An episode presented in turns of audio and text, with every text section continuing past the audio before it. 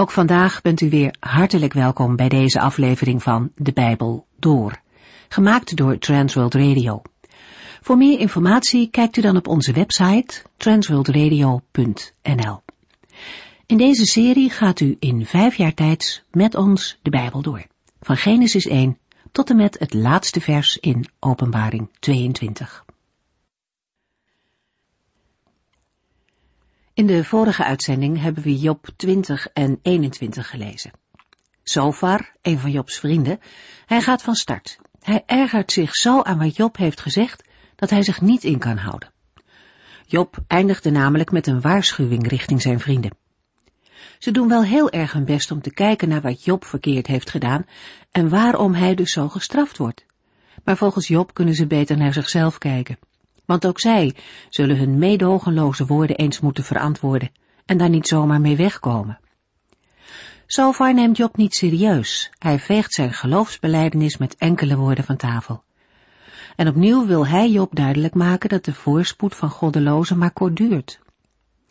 Het punt of Job een goddeloze is, is inmiddels allang gepasseerd. En Job gaat tegen Sofar in. Als je om je heen kijkt, zegt Job, dan zie je dat het mensen die zonder God leven heel goed gaat. Het is niet zo dat de rechtvaardige altijd wordt beloond. Iemand die God dient, heeft niet automatisch welvaart en succes.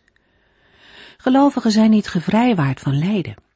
En aan de andere kant kan onrecht lang zijn loop hebben, zonder dat de daders te maken krijgen met tegenslag.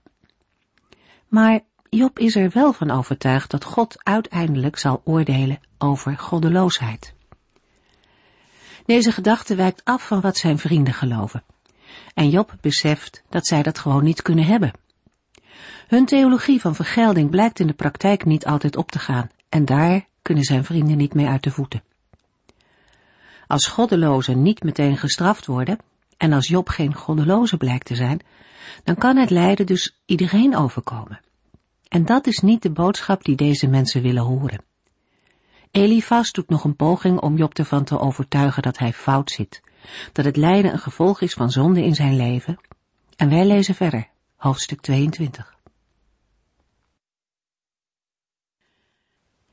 In Job 22 neemt Elifas voor de derde keer het woord en werkt toe naar een oproep tot bekering. In eerste instantie toont hij aan dat Jobs eigen zonden de straf hebben uitgelokt.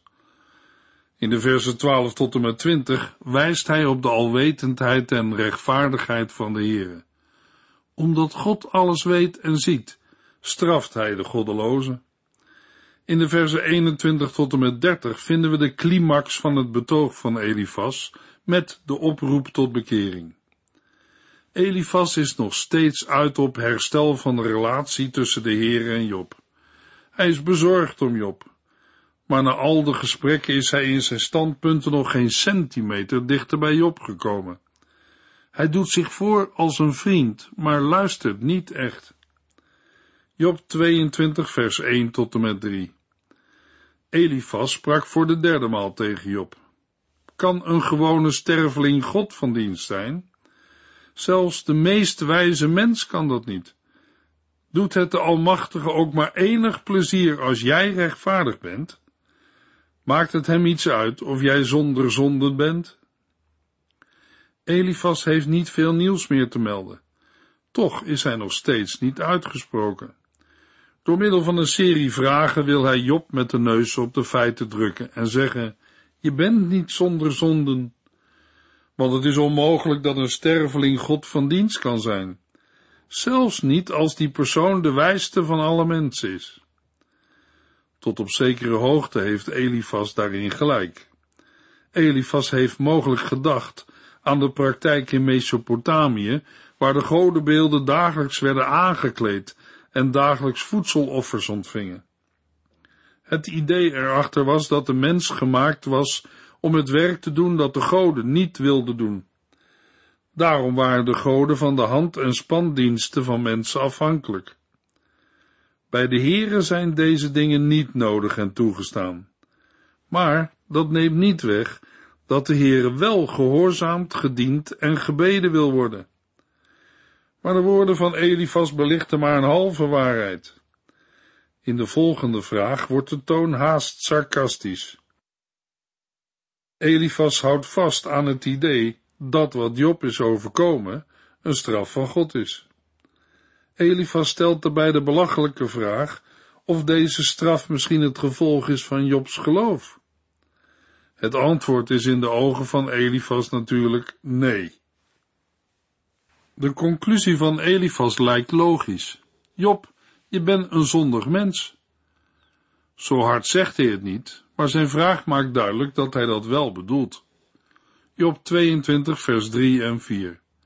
Doet het de Almachtig ook maar enig plezier als jij rechtvaardig bent? Maakt het hem iets uit of jij zonder zonde bent? Straft hij je soms omdat je zo gelovig bent? Elifas is van mening dat de situatie van Job een straf is en een bewijs dat er zonde in zijn leven is. Als Job zijn zonde niet wil beleiden, zal het wel om een ernstige situatie gaan. Daarom spoort Elifas Job aan om zichzelf te onderzoeken. Job 22 vers 5 Natuurlijk niet. Hij doet dat omdat je zo slecht bent. Je zonden zijn onmetelijk. De woorden van Elifas zijn niet erg troostvol voor iemand die diep in de put zit en hulp en licht nodig heeft uit de hemel. Elifas wil Job helpen bij het ontdekken van zijn zonde. Hij noemt glashard een aantal ernstige overtredingen waar Job zich mogelijk schuldig aan heeft gemaakt. Bewijs ervoor heeft hij niet. Maar dat weerhoudt hem er niet van om te zeggen, je zonden zijn onmetelijk. Job 22, vers 6 tot en met 8. Je moet bijvoorbeeld ten onrechte een onderpand hebben geëist van noodlijdende vrienden. Ja, je moet mensen letterlijk en figuurlijk hebben uitgekleed. Je moet de dorstigen water en de hongerige brood hebben geweigerd, terwijl je een vooraanstaand man was, een geëerd landeigenaar. Het was niet ongebruikelijk om iets als onderpand van iemand te nemen als er een schuld betaald moest worden, zelfs van volksgenoten. Maar niet alles mocht onbeperkt als onderpand dienen. Als het gekozen voorwerp iemands leven of bescherming in gevaar kon brengen, mocht het in Israël niet als pand dienen. Volgens Elifas heeft Job die regel overtreden. Elifas beweert dat Job ook de kleding van noodlijdende vrienden heeft geëist, terwijl er geen aanleiding voor was. Job had als welvarende landeigenaar van armen en vrienden geen pand mogen nemen. Hij had hen liefdadigheid moeten betonen, zeker in het geval van een volksgenoot of vriend. In vers 7 beweert Elifas dat Job de dorstige water heeft geweigerd en de hongerige geen brood heeft gegeven. Het is opmerkelijk dat Elifas met deze aanklacht op sociaal gebied komt. Net als Sofar haalt Elifas juist de sociale misstanden als de meest serieuze zonde aan. Job 22 vers 9 tot en met 11. Je stuurde weduwen weg zonder hen te helpen en hebt wezen van hun rechten beroofd. Daarom ben je nu omringd door valstrikken en word je geplaagd door onverwachte gevaren, duisternis en aanstormende rampen. Het wordt in de Bijbel verboden om weduwen en wezen te onderdrukken. Waarschijnlijk wordt hier een situatie bedoeld waar betrokkenen, Elifas bedoelt hier Job, de weduwen weigerden de bescherming te geven waar ze om vroegen. Ze werden met lege handen weggestuurd. De wezen werden van hun rechten beroofd. Deze zaken zijn in de ogen van Elifas de reden van Jobs lijden. Elifas zegt dat Job wordt omringd door valstrikken en onverwachte gevaren. Het logische gevolg van die valstrikken is de angst, en die ervaart Job. De ellende wordt beschreven als duisternis en aanstormende rampen. Duisternis doet denken aan Job 18 vers 5 en 6, waar de dood wordt bedoeld. Job 22 vers 12 God is zo machtig, hij woont hoger dan de hemelen, hoger dan de sterren. Eigenlijk gaat het er Elifas om dat Job het verband ziet tussen zijn zonde en zijn ellende. In eerste plaats wijst Elifas dan op de Heere, die van alles de hoogste en machtigste is. God die de schepper van de hemelen en de sterren is, is de Allerhoogste. Niets ontgaat hem, hij ziet alles. Job 22 vers 13 en 14 Maar dan zeg jij, daarom kan hij niet zien wat ik doe. Hoe kan hij door de dikke duisternis heen iets beoordelen? Want hij is omringd door zware wolken, zodat hij ons niet kan zien. Hij is ver boven ons verheven en wandelt door de hemelse zalen. Maar als de Heere de Allerhoogste is, hoe is het dan mogelijk dat Job denkt dat God hem niet ziet, niet kent en niet weet wat hij heeft gedaan? God ziet alles. Zijn zicht kan niet worden beperkt door duisternis. Daarom zal zijn oordeel zuiver en rechtvaardig zijn. Zeker, in de Bijbel wordt de Heere meermalen omringd door duisternis. Maar dat is om hem aan het oog van mensen te onttrekken. Nooit andersom. En dat is nu precies wat Elifas Job in de mond wil leggen. De Heere zou ver weg door de hemelse zalen wandelen. Dat wil zeggen aan de andere kant van het uitspansel dat hemel en aarde van elkaar scheidt. De Heere begeeft zich buiten de wereld van de mens, blijft op grote afstand en is niet bij de aarde en haar bewoners betrokken. Maar het is onwaarschijnlijk dat Job deze woorden heeft uitgesproken. Het is eerder mogelijk dat Elifas Jobs woorden over de voorspoed van de goddelozen verkeerd heeft geïnterpreteerd. Job sprak over het uitblijven van een oordeel, terwijl hij verlangde naar een rechtvaardig oordeel. Nu stelt Elifas hem voor als iemand die het tegenovergestelde verlangt. Kennelijk is Elifas ervan overtuigd dat deze gedachte uit Jobs houding blijkt. Job 22 vers 15 tot en met 17 Besef je niet dat degenen die de oude paden van de zonde bewandelen, in hun jeugd worden weggerukt en dat het fundament van hun leven wordt weggespoeld? Want zij zeiden tegen God, laat ons met rust, God, wat kunt u nu voor ons doen? De houding die Elifas bij Job denkt te bespeuren, noemt hij de oude paden van de zonde. Dat is de weg van het goddeloze voorgeslacht. De weg die Job betreedt, is er een die velen voor hem hebben bewandeld. Maar deze voorgangers verdienen geen navolging, want het zijn slechte mensen, mensen van wetteloosheid. Het is met hen niet goed afgelopen en ze stierven jong, voordat het hun tijd was. Ze zijn als het ware als een plant uitgerukt.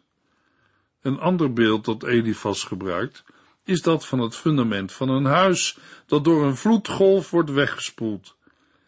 Beide voorbeelden wijzen op een voortijdige dood, iets dat hier nadrukkelijk als een goddelijk oordeel wordt gezien. De boosdoeners wilden niets met God te maken hebben en spraken dat ook in het openbaar uit. Elifas citeert Jobs eigen woorden uit Job 21. Volgens Job vroegen de goddelozen in Job 21, wat moeten wij met de Almachtige God? Bidden tot Hem levert ons immers niets op. In vers 17 legt Elifas hun een soortgelijke vraag in de mond. Ze hebben weliswaar een afwijzende houding naar God toe, maar zijn ongemerkt toch door hem gezegend. Elifas sluit zich aan bij Jobs woorden. Job 22 vers 18 tot en met 21. Maar tegelijk vergaten zij dat hij hun woningen met allerlei goede dingen had gevuld. Daarom moet ik niets hebben van de houding van de goddelozen. De rechtvaardigen zullen er getuigen van zijn dat zij worden vernietigd. De onschuldigen zullen de goddelozen uitlachen en zeggen, Kijk, onze vijanden en hun welvaart worden vernietigd door het vuur. Houd op met God tegen te spreken. Word het met hem eens. Dan zul je uiteindelijk rust krijgen. Om de vermaning en oproep tot bekering in te luiden, toont Elifas in vers 19 en 20 Job de reactie van de rechtvaardigen op de vernietiging van de goddelozen.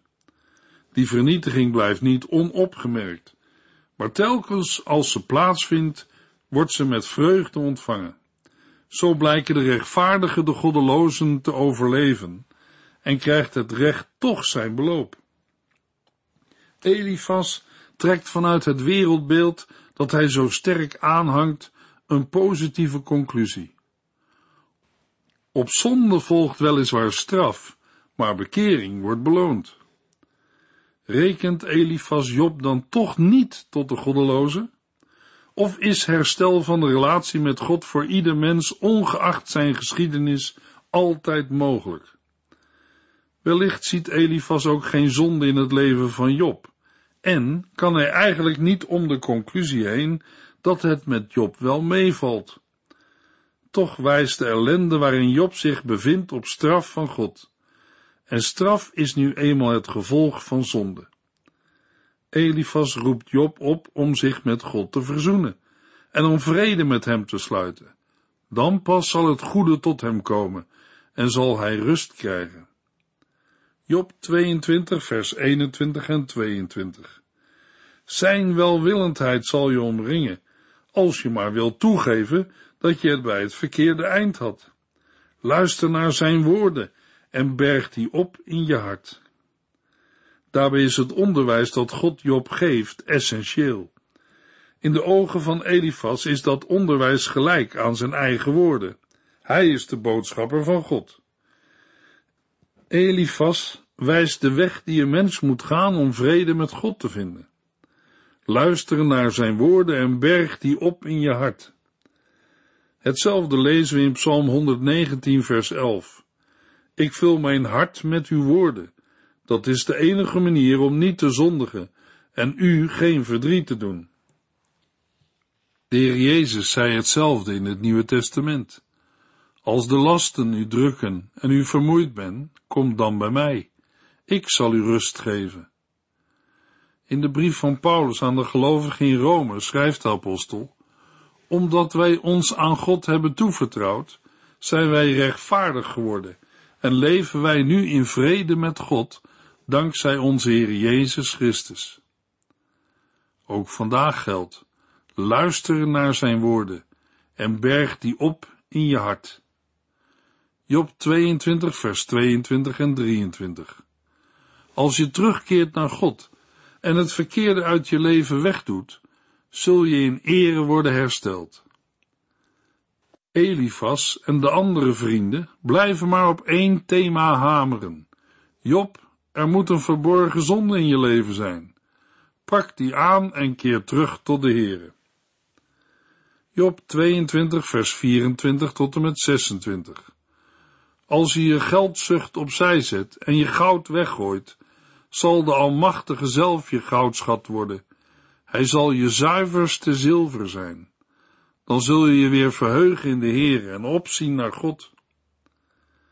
Elifas, zijn naam betekent mijn God is fijn goud, wijst Job op de schat die hij zou moeten hebben in de Heere, die meer waard is dan goud of zilver. Elifas neemt aan dat de Heere zelf Jobs vijand is. Maar God is Jobs vijand niet. Ook vandaag hebben veel mensen de gedachte dat de Heere hun vijand is.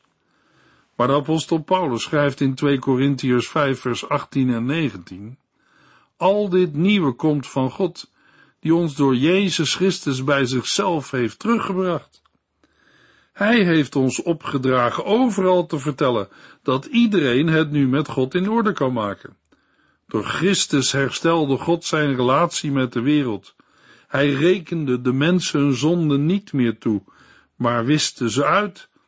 En wij mogen dit geweldige nieuws aan iedereen vertellen. Waarom zou Job zijn vertrouwen op de Heere stellen? Waarom zou u uw vertrouwen op de Heere stellen?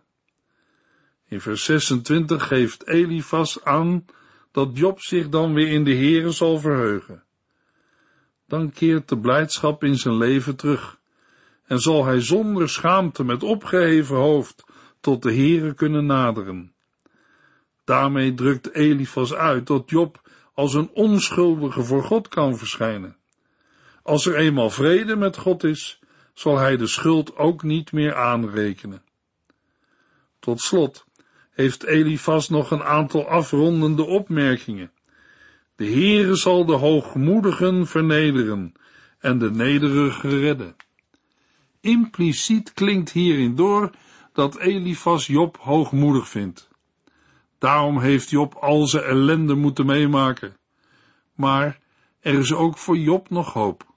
Als hij zich voor de Heere vernedert, zal deze hem uit zijn ellende verlossen. Job 23, vers 1 tot en met 3. Job antwoordde Elifas daarop, ook nu klinkt mijn klacht bitter. Ik kan mijn zuchten nauwelijks onderdrukken. Och, wist ik maar waar ik God kon vinden, dan zou ik naar zijn troon gaan en daar met hem spreken. Job reageert op Elifas door vooral te klagen over Gods positie ten opzichte van het onrecht. In de eerste plaats richt zijn klacht zich op de moeite om voor hem te verschijnen. De Heer houdt zich afzijdig en daarom kan Job zijn klacht over het onrecht niet rechtstreeks aan hem voorleggen. Nu Job heeft gemerkt dat hij bij zijn vrienden geen gehoor vindt en dat ze niet naar hem willen luisteren, richt hij zijn aandacht weer op de Heere. Elifas had Job aangeraden zich tot God te keren. Job wil dat wel, maar weet niet hoe hij voor God kan verschijnen. Hij kan hem niet vinden. Job 23, vers 4 tot en met 9. Ik zou hem mijn zaak voorleggen, naar zijn antwoord luisteren en trachten te begrijpen wat hij wil. Zou hij mij overweldigen met zijn grote macht? Nee, hij zou met alle begrip naar mij luisteren en mij niet meteen beschuldigen. Een eerlijk persoon zou daar voor mij bij hem het woord kunnen doen, en ik zou door mijn rechter worden vrijgesproken. Maar mijn zoeken heeft geen resultaat. Ik zoek hem overal, maar ik kan hem niet vinden. Ik zoek hem in het noorden, maar kan hem daar niet vinden, ook niet in het zuiden. Ook daar houdt hij zich verborgen. In de ontmoeting met de Heere verwacht Job in het gelijk gesteld te worden, en als gevolg daarvan door zijn rechter te worden vrijgesproken. Daarmee wil Job uitdrukken dat alle tegenstand die deze rechter hem heeft geboden, verleden tijd zal zijn. Vervolgens grijpt Job terug op een gedachte uit vers 3. De Heere blijft verborgen. In korte zinnen maakt Job duidelijk dat God in geen van de vier windrichtingen is te vinden.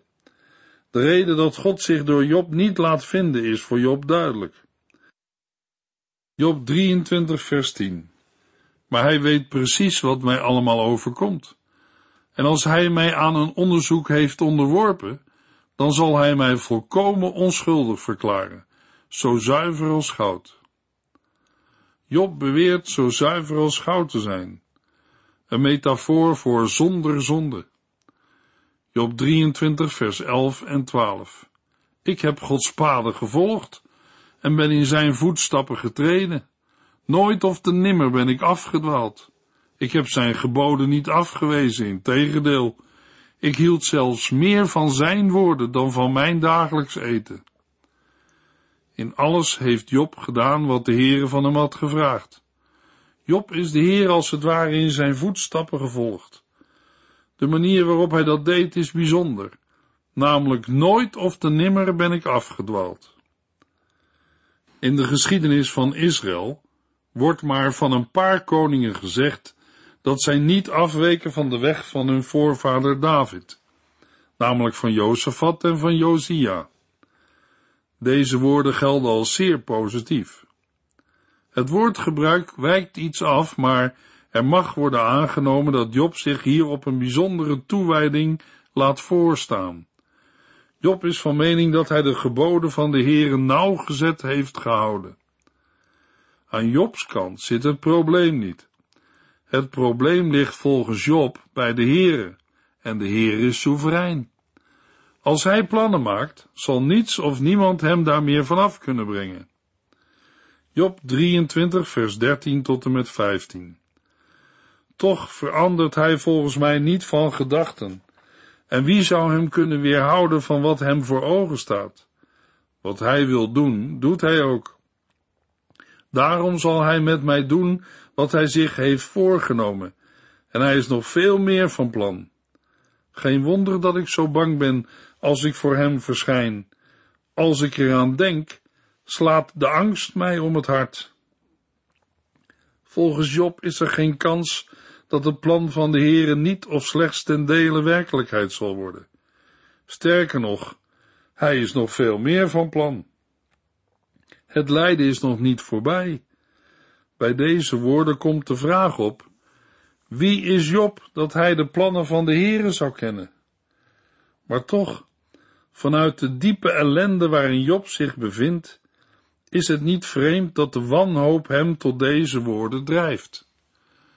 Job 23, vers 16 en 17. God heeft mijn hart verzwakt. De Almachtige heeft mij vreselijke angst aangejaagd. Maar ik ga niet ten onder in de diepe duisternis die om mij heen is. Job heeft zelf geen enkele mogelijkheid om ook maar enige verandering in zijn lijden aan te brengen. Niet de ziekte en de naderende dood drukken hem neer, maar vooral de stuk geslagen hoop op het rechtvaardig handelen van de Heere raakt hem. In de volgende uitzending lezen we Job 24 vers 1 tot en met 26 vers 7. U heeft geluisterd naar De Bijbel Door, in het Nederlands vertaald en bewerkt door Transworld Radio. Een programma waarin we in vijf jaar tijd de hele Bijbel doorgaan. Als u wilt reageren op deze uitzending of u heeft vragen, dan kunt u contact met ons opnemen. Tijdens kantooruren kunt u bellen op 0342 47 8432 0342 47 8432. Ook kunt u een e-mail sturen naar de Bijbel door at transworldradio.nl en natuurlijk kunt u ook via de post ons bereiken. TWR, postbus 371, postcode 3770, AJ in Barneveld. Dit programma werd gepresenteerd door Cor Weda en Ike André. Techniek was in handen van Odin van Voerkom. En wij allemaal bedanken u voor het luisteren. Graag tot de volgende keer.